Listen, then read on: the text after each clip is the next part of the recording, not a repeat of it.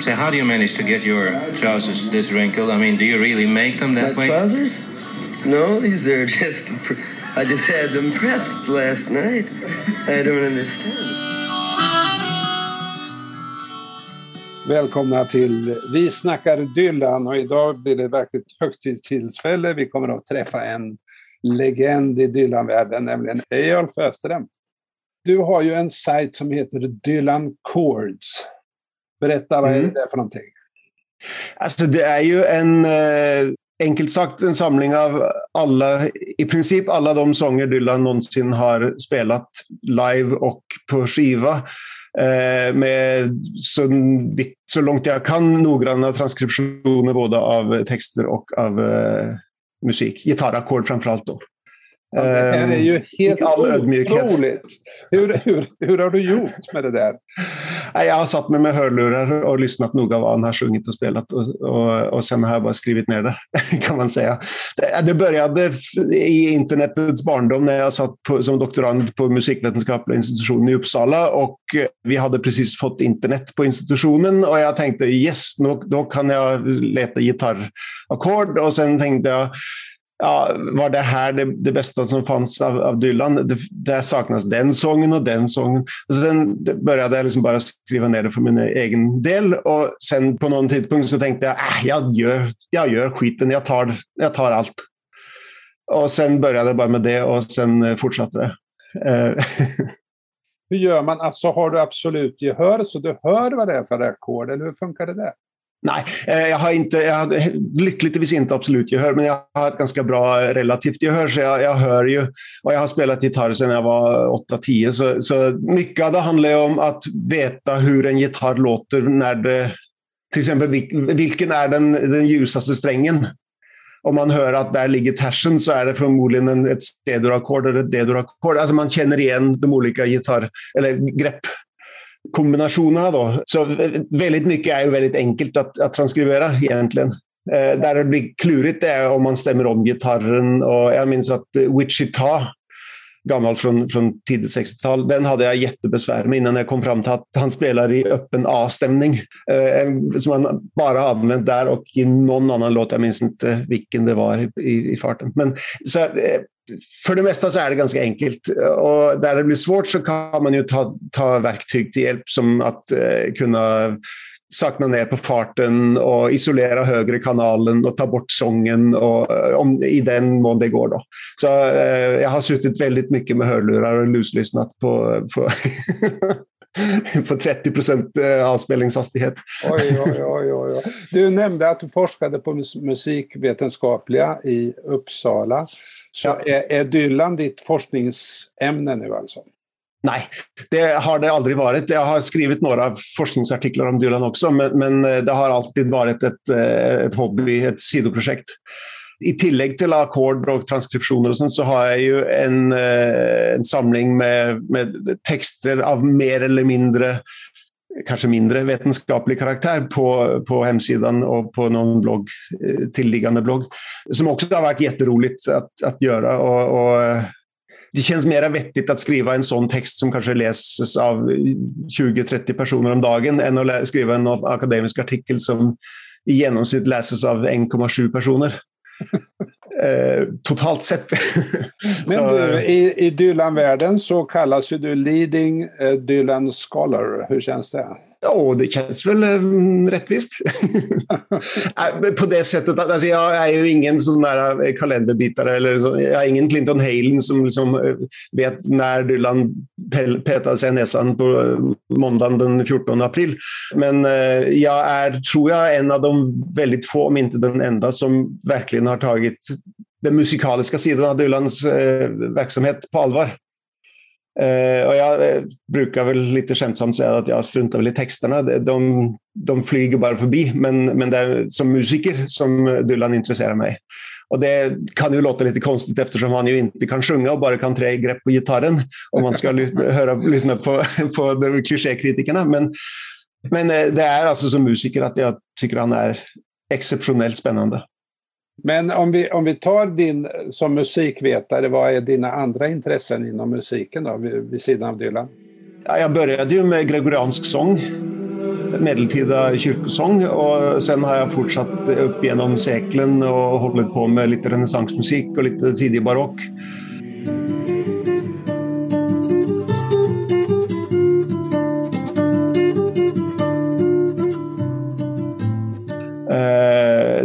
Har nått fram till Beethoven, så jag håller på liksom att arbeta med framåt i tiden.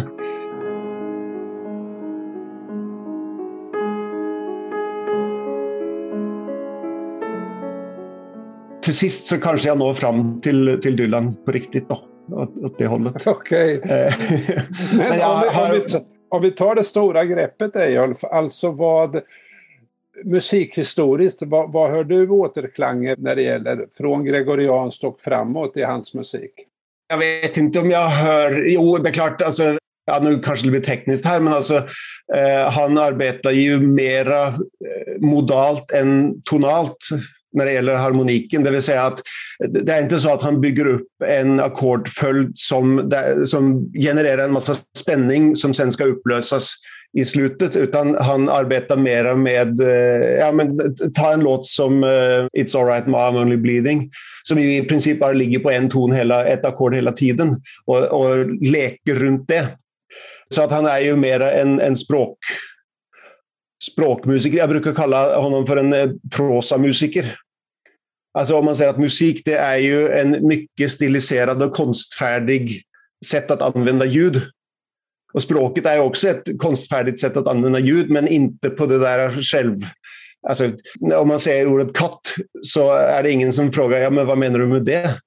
Det förstår man, men om man spelar ett C-dur-ackord så är det mer relevant att fråga ja, men vad, vad, vad betyder det? Alltså det, det, men, meningen ligger inte i dagen, uppenbart på det sättet. Och musik har ju den, den eh, egenskap att det, det, låter, det verkar som ett språk, det verkar som det betyder något, men det gör ju inte det.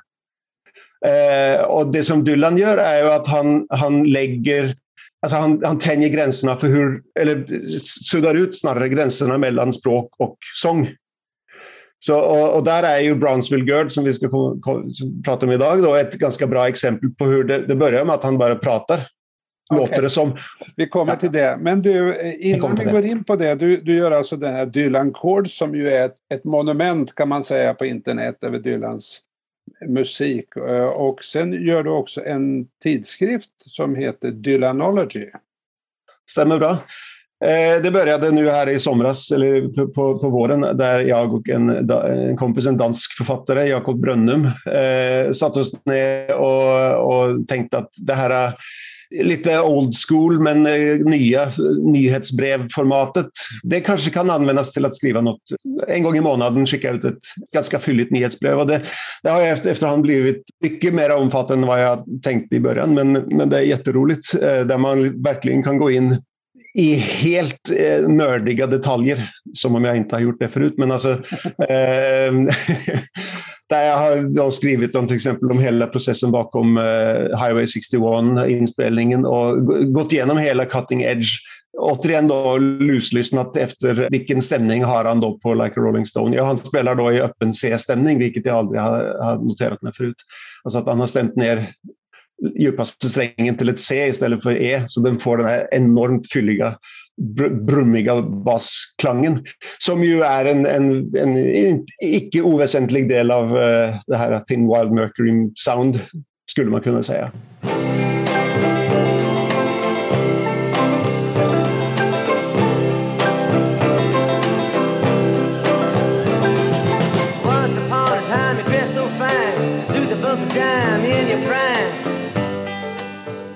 Det är tungt stoff, men ganska lättsamt hoppas jag. Då. Man kan eh, prenumerera på det där? Eh, man kan prenumerera. Hur gör man då? Ja. Ja, man går in på dylanology.substack.com och sen... Eh, ja, jag vet faktiskt inte hur det går till när man står där som, som abonnent eller prenumerant, men det, det, det, kan man, det kan man ta reda på. Man, man, man eh, tecknar, antecknar sig för ett, eh, en prenumeration och sen får man eh, så dras det från kreditkortet. Ja, ja, och så blir jag rik och, och lyssnaren blir glad. ja, just Okej, okay. och i senaste eh, numret då skriver du en del om Springtime in New York. Va? Berätta, vad är Springtime in New York för någonting? Det är ju den samling, det är ju Bootleg Series nummer, är det volym 16 nu tror jag de har kommit fram till. Eh, där Dylan ju alltså går igenom hela eh, hela bakkataloget och ger ut eh, gamla goingar. Och, och, det här är då från, eh, från det tidiga 80-talet, alltså den verkligen sämsta perioden i hans eh, karriär, eller åtminstone den som har, har sämst rykte.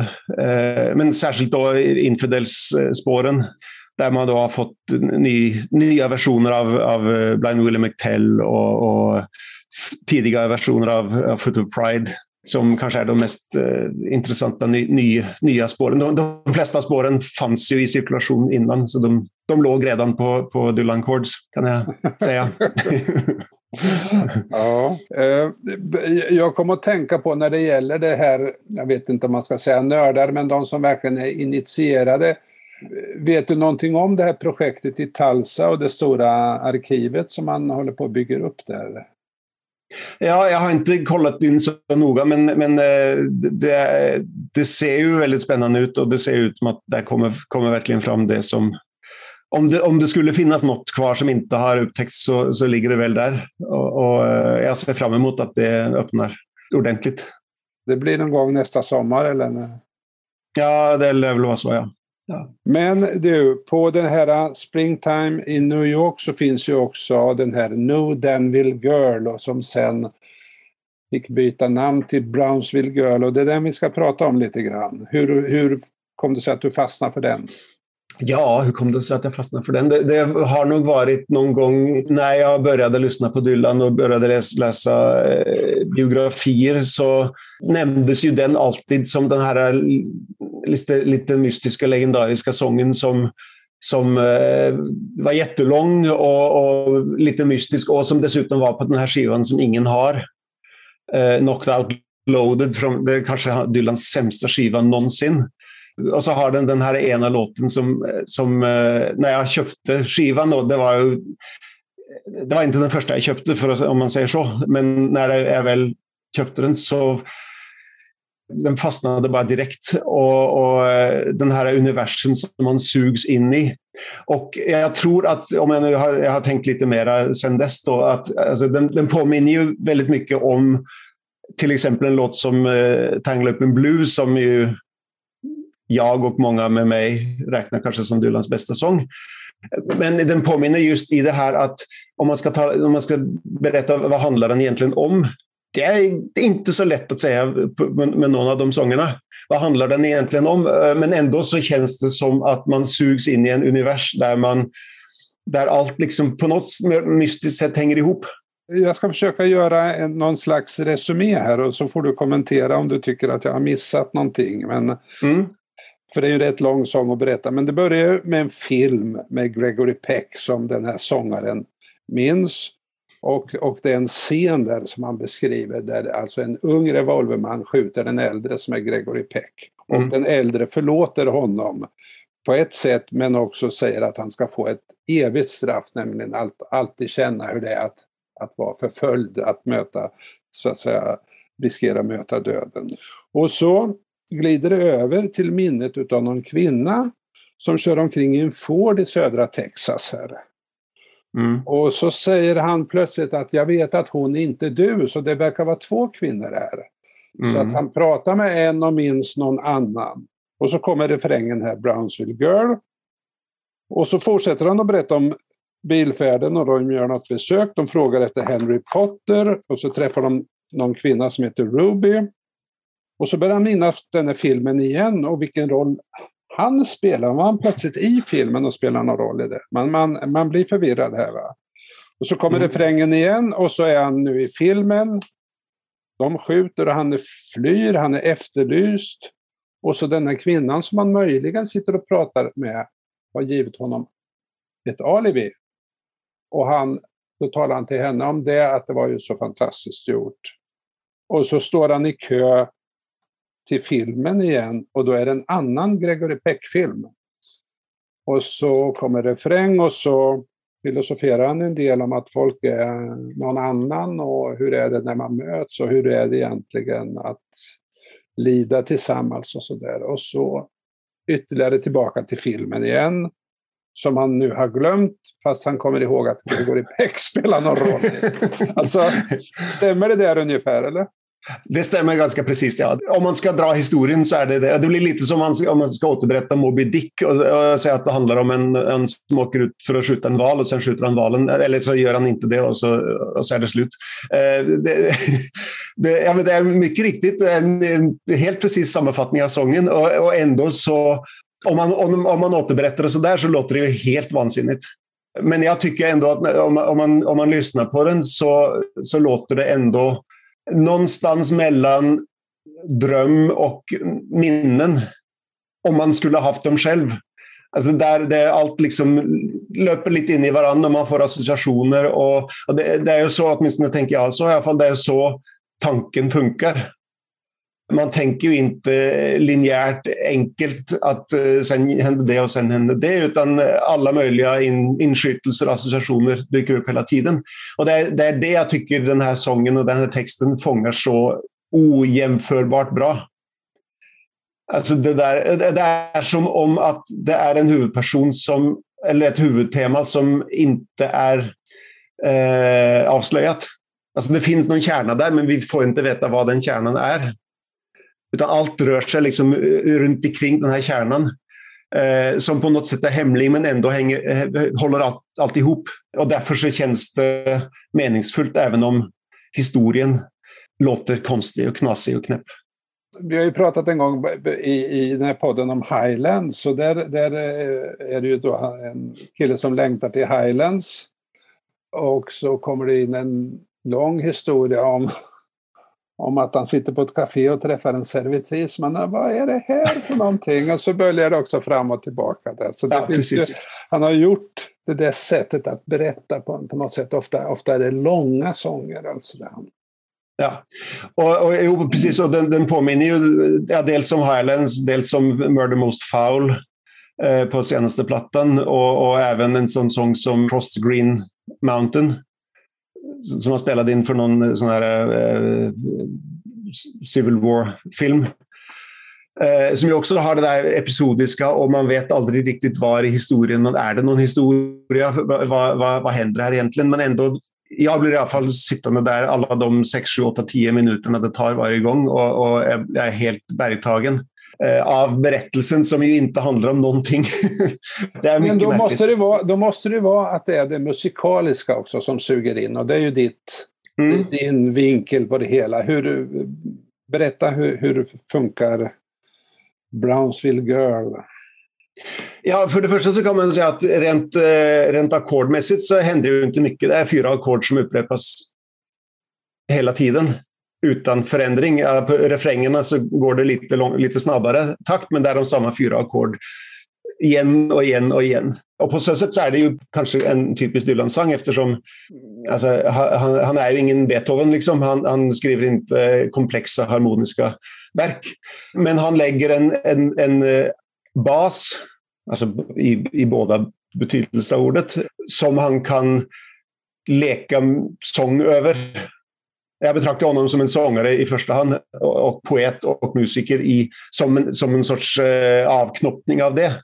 Så därför i, i, inom parentes så tycker jag att det på sätt och vis var fel att ge honom Nobelpriset i litteratur för att det blir att ned, nedvärdera den konst som han faktiskt bedriver bättre än någon, nämligen att sjunga sånger. Eh, men det är en, en eh, sidospår. Men, men eh, i den här sången då, som jag nämnde eh, så mm, Ja, det börjar med att han bara pratar. Och sen plötsligt, utan att jag har lagt märke till det, så, så sjunger han. Så är, det, är vi mitt inne i en sång. Som i, i, i andra versen, där, det, som du nämnde, där, där um, den här äldre sheriffen förlåter honom eller, säger att, eller, eller dömer honom till evig, evig förtapelse allt eftersom. Så är det ju uh, Well the marshal now he beat that kid to a bloody pulp. As the dying gunfighter lay in the sun and gaps for his last breath. Så är, vi, är det en, någon sorts melodilinje i det, men vi är fortfarande i talmodus. Turn him loose, let him go, som han fortsätter då. Är det sång eller är det tal? Ja, det ligger någonstans däremellan. Han utnyttjar de eh, aspekter av talspråk som också har en musikalisk komponent och vice versa.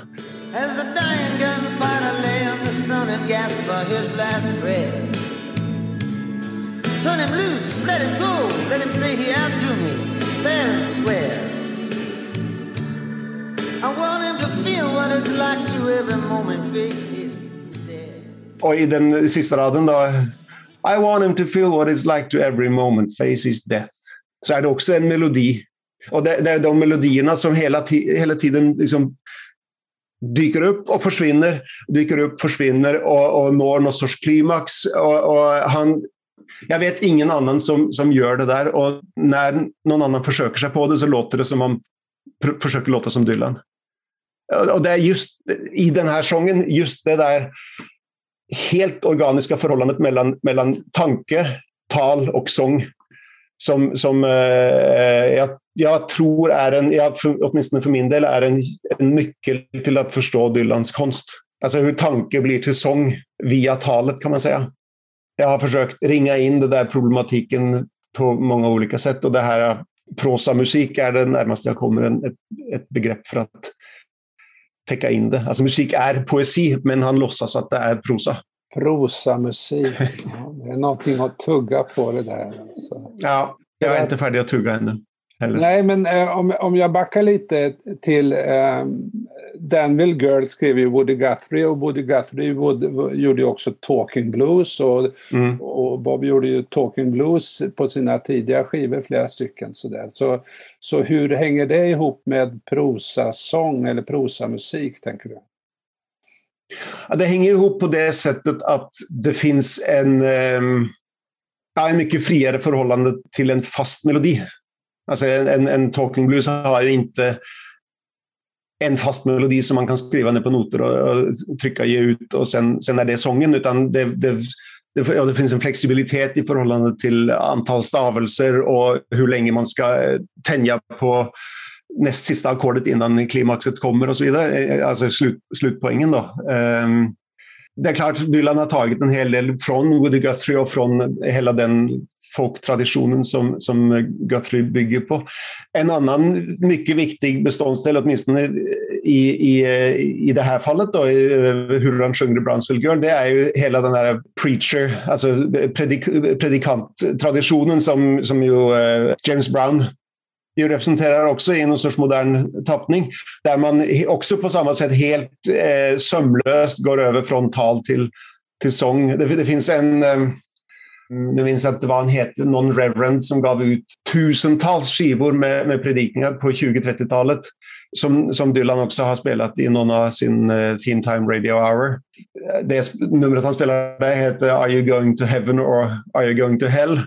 Som är just er en sån här Southern Baptist preacher som, som pratar med att hålla en, en, en, en predikning och sen plötsligt så sjunger han och man anar inte hur, hur hamnade vi här? Works in you and God said if you work I can work. If you, oh, if you move I can move. If you look up I can look up. If you reach out I can reach down. I can only do it according to the power that so hell wants you to hang your heart by the willow trees. Också där här så drar ju Dylan helt klart på, på den, de traditionerna som man, som man känner till och älskar och står i. Och så kommer gospelkören in här i refrängerna, Brownsville Girl, Brownsville Girl och så vidare.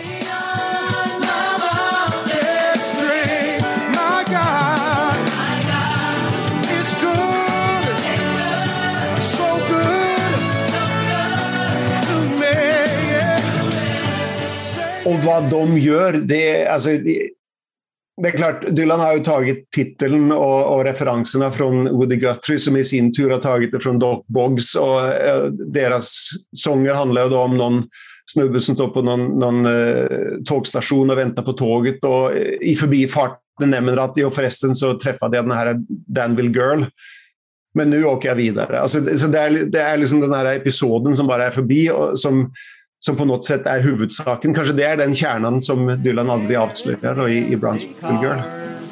I rode her down to Danville town Got stuck on a Danville girl You bet your life she was a pearl. She wore that Danville curl.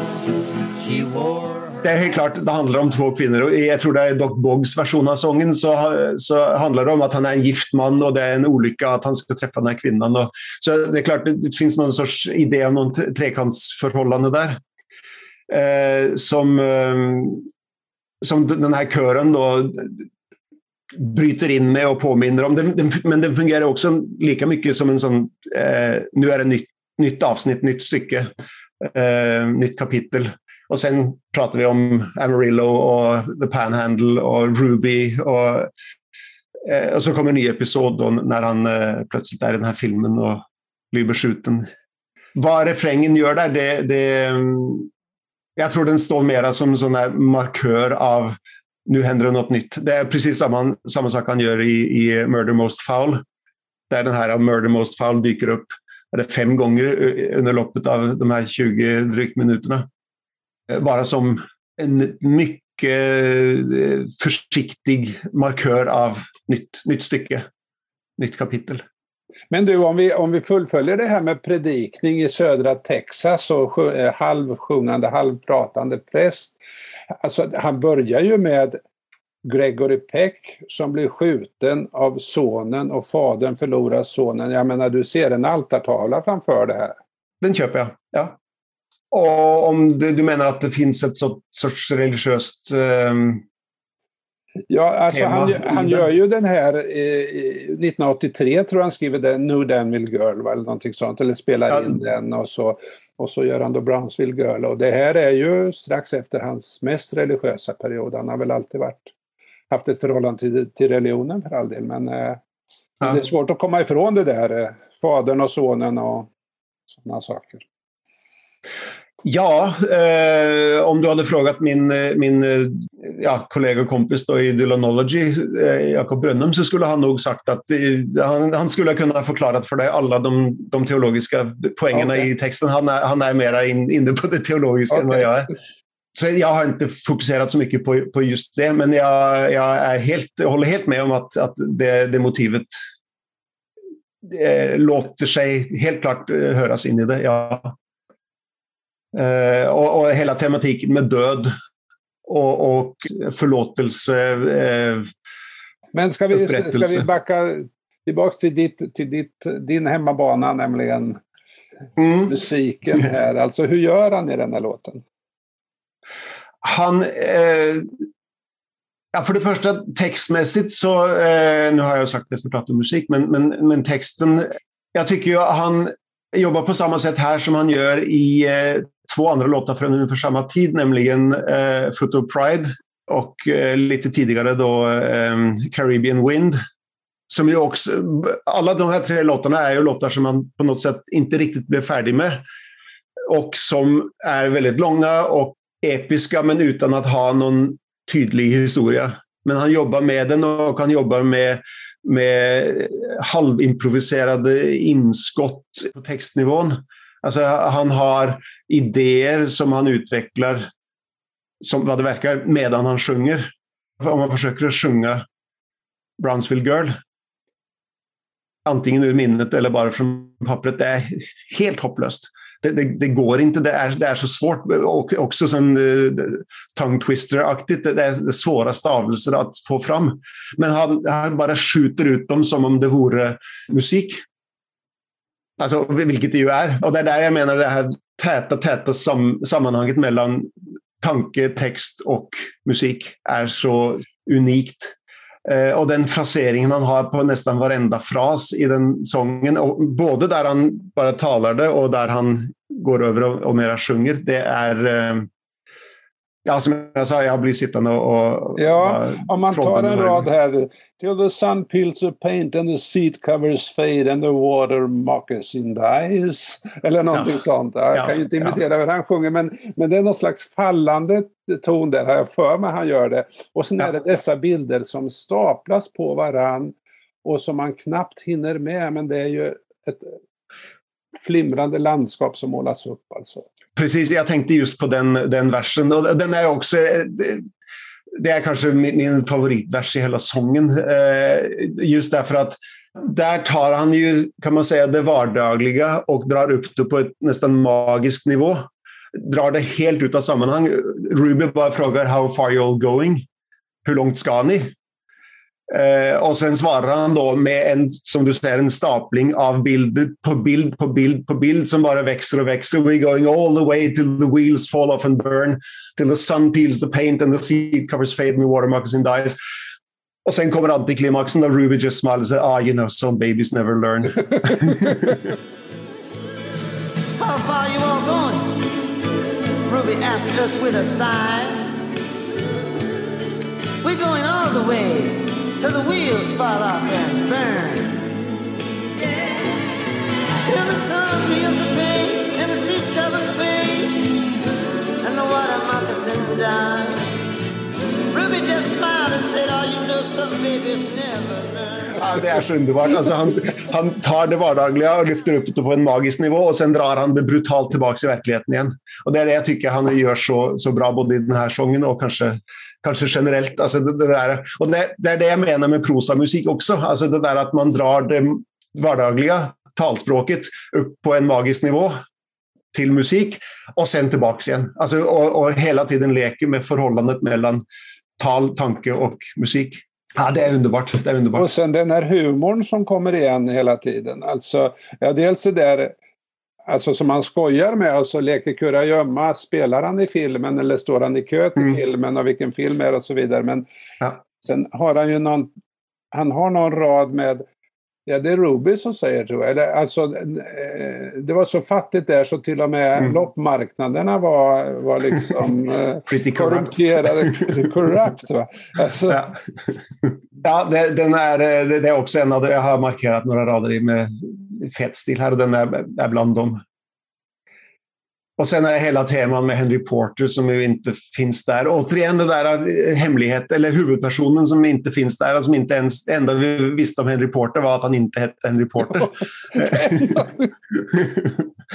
det, det, och på, på, det sättet så, alltså, jag försöker cirkla in lite här i förhållande till Dylans konst, men alltså, det påminner ju väldigt mycket om Visions of Johanna också, där Johanna vem är Johanna? Är hon där eller är Louise? Eller, alltså, återigen, det här två kvinnor och en berättare.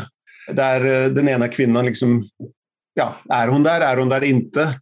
Vem är huvudpersonen? Samma sak med Tangle Up in Blue eh, som han introducerade då i, i 78 någon gång med att A story about three people in love with each other all at the same time. Men han talar inte om vilka tre det är och, och är det en, ja. han, han bemästrar konsten att inte säga för mycket, men säga precis tillräckligt för att, att vi håller vi, vi hänger med hela tiden. Du, ska vi säga någonting om vägen från Danville Girl till Brownsville Girl? Alltså varför bytte han namn och vad är det för skillnader? Har du något att säga om det? Ja, alltså den är ju ursprungligen skrivit tillsammans med, med Sam Shepard och, alltså jag har alltid betraktat den här som en Dylan-sång och det går ju inte att säga att den här raden har Sam Shepard skrivit och den har Dylan skrivit. Men det skulle kunna vara så att eh, de ändringarna han har gjort från New Danville Girl till Brownsville Girl är sådana som han själv har gjort och ändrat på eh, samarbetet så att säga. Jag har lyssnat så mycket på båda versionerna så jag har svårt att hålla dem isär. Jag har rader och fraseringar som jag älskar i den ena versionen och tycker att det var fruktansvärt att de inte var med i den andra och vice versa. Eh, så det finns någon vers i, i slutet på den tidiga versionen, alltså New Danville Girl, som eh, ja, den påminner om en annan sång från samma tid, Tell Me. Oh, you gotta talk to me now baby, tell me, tell me about the man that you used to love. Är det då mig eller är det någon annan man? Tell me about your dreams just before the time you passed out. Tell me about the time that our engine broke down. Så är vi tillbaka i historien om att bilen bröt ihop där vid eh, Cross the panhandle utanför Ruby. Och så är vi tillbaka där. And it was the worst of times. Tell me about it, all the things I could do nothing about. Alltså det, det är återigen, vem är den här kvinnan som ska berätta om det och vad är historien bakom? Vi, vi märker att det finns det finns långa, långa, djupa historier bakom varenda av de här Tell Me, men vi får inte veta vad. Och det, men vi, vi får veta exakt tillräckligt till att vi, eh, vi blir nyfikna och vi, det känns personligt kan man säga. Så den versen saknar jag då eh, när han ändrade den till eh, någonting med att en sorts yttre reflektion om strange how people who suffer together have stronger connections than people who are most content. Och så, alltså det, det blir mindre personligt. Ja. Och kanske paradoxalt, om det nu så är så att den där är skriven tillsammans med Sam Shepard, den första versionen, och andra då är Dylans egen. Man kan spekulera om, om jämförelsen med Idiot Wind som han ju också skrev om och, och enligt några då, gjorde, gjorde mindre personlig i, i eh, den versionen som kom med på skivan till sist på Blood and the Tracks. Men eh, jag är bara glad för att vi har båda versionerna. Varför det blev Brownsville Girl och inte Danville Girl, jag, jag vet inte. Eh, jag, och jag är nöjd med det. Och vad kopplingen är till, till uh, Woody Guthries version, uh, ja. Kanske det är något med, med den här uh, korta episoden som bara, bara glider förbi. Jaha, jag vet inte om du känner en, det blir en sidosprång här, men en, en Pavel Ramel-låt som heter Carl Nilsson. Ja, ja. Som han sjunger som en sån där utvandrarballad. Ja, visst. som som slutar och sen får jag till Amerika ett tag och hem igen. Det är liksom hela historien. Och jag har, jag har haft en idé om att den här Carl Nilsson, att det är Karl Oskar från Utvandrarna. Aha. Han heter ju också Karl Oskar Nilsson. Ja. Så, så det skulle kunna vara honom och att Povel Ramel där då i den där Sen for jag till Amerika, tag och hem igen, har komprimerat hela Mobergs trilogi. Eh, och att det tycker jag är en, en vacker tanke. De var på gott och ont, ja de var som folk är mest. Min far han var stins, min mor hon kläckte ägg. De tjänte lite pengar, de, de, de var som folk är mest förtratt i röjande dig hugg i och håll. Tänk om det är olika var själv, liksom jag, jag, jag kan allt mitt i skolan. På samma sätt då med New Danville Girl, att den här eh, Danville Girl som man träffar på stationen eller i Danville och sen åkte han vidare igen. Uh, att det är liksom huvud, huvudsaken som bara inte är med. Och återigen, den, den, den outsagda kärnan. Det finns ju en, en sån där Dylan-sajt som heter eh, Dylan Haiku eller Haiku Dylan. Har du sett den? Ja, den känner jag inte. Jo, jo men det är någon eh, entusiast som har, jag tror, gått igenom alla låtar och han sammanfattar dem i tre rader. En, Ah. en haiku alltså. Så det, jag bara kommer att tänka på det när du säger de här extrema förkortningarna. Alltså. Ja, ja, den måste jag kolla upp. Några är väldigt roliga. Jaha, men eh, nu har vi snackat Danville Girl och Brownsville Girl här och denna fantastiska... Men en, en sak som hela tiden förbryllar mig, du har ju varit inne på det, men om du kan säga någonting mer. Varför är den här så jäkla bra? Oj. Ja, det är ju inte på grund av den ursprungliga mixen, det kan man inte säga. Den, den är ju på eh, de, en av de här eh, 80-talsskivorna som ju låter för jävligt om man säger så. Eh, men varför den är så bra? Alltså, ja, därför att den, den håller mig fången varje gång och då måste det vara bra. Kan man säga. Det är det, det, det enkla sättet att säga det. Om, om, om det gör det så måste det vara för att den är bra. Och då är det min uppgift då att, att ta reda på mm, varför. Och, och allt det som jag pratade om här nu med, med liksom det, prosamusik och det magiska och, och sånt. Jag, och frasering, alltså det, det är ju det sättet han sjunger den på. Och det sättet som den hela tiden flyter in och ut av någon historia som, som påminner om hur vi tänker. Så Ja. den, den ger oss, om man ska bli lite filosofisk, då, den ger oss eh, verktyg att ta reda på hur vi själv förhåller oss till vår historia och våra liv och vår, vår sätt att tänka på. Det är det högtravande, högt, högtflyvande sättet att säga det på. Ta det här som man börjar nu, Danville Girl, den är ju inte med i Brownsville Girl. I wish I could remember that movie just a little bit better. Och då, Mm. du vet, om du har en kompis som ska berätta en film, det är ju urtråkigt för han kommer inte ihåg filmen, han kan inte redogöra för någonting och du bara tröttnar direkt. Men när Dylan säger det bara den här första raden så fastnar du. Ja, jag måste höra, jag sitter kvar en kvart och hör vart ska det barka. Det är ju magin va?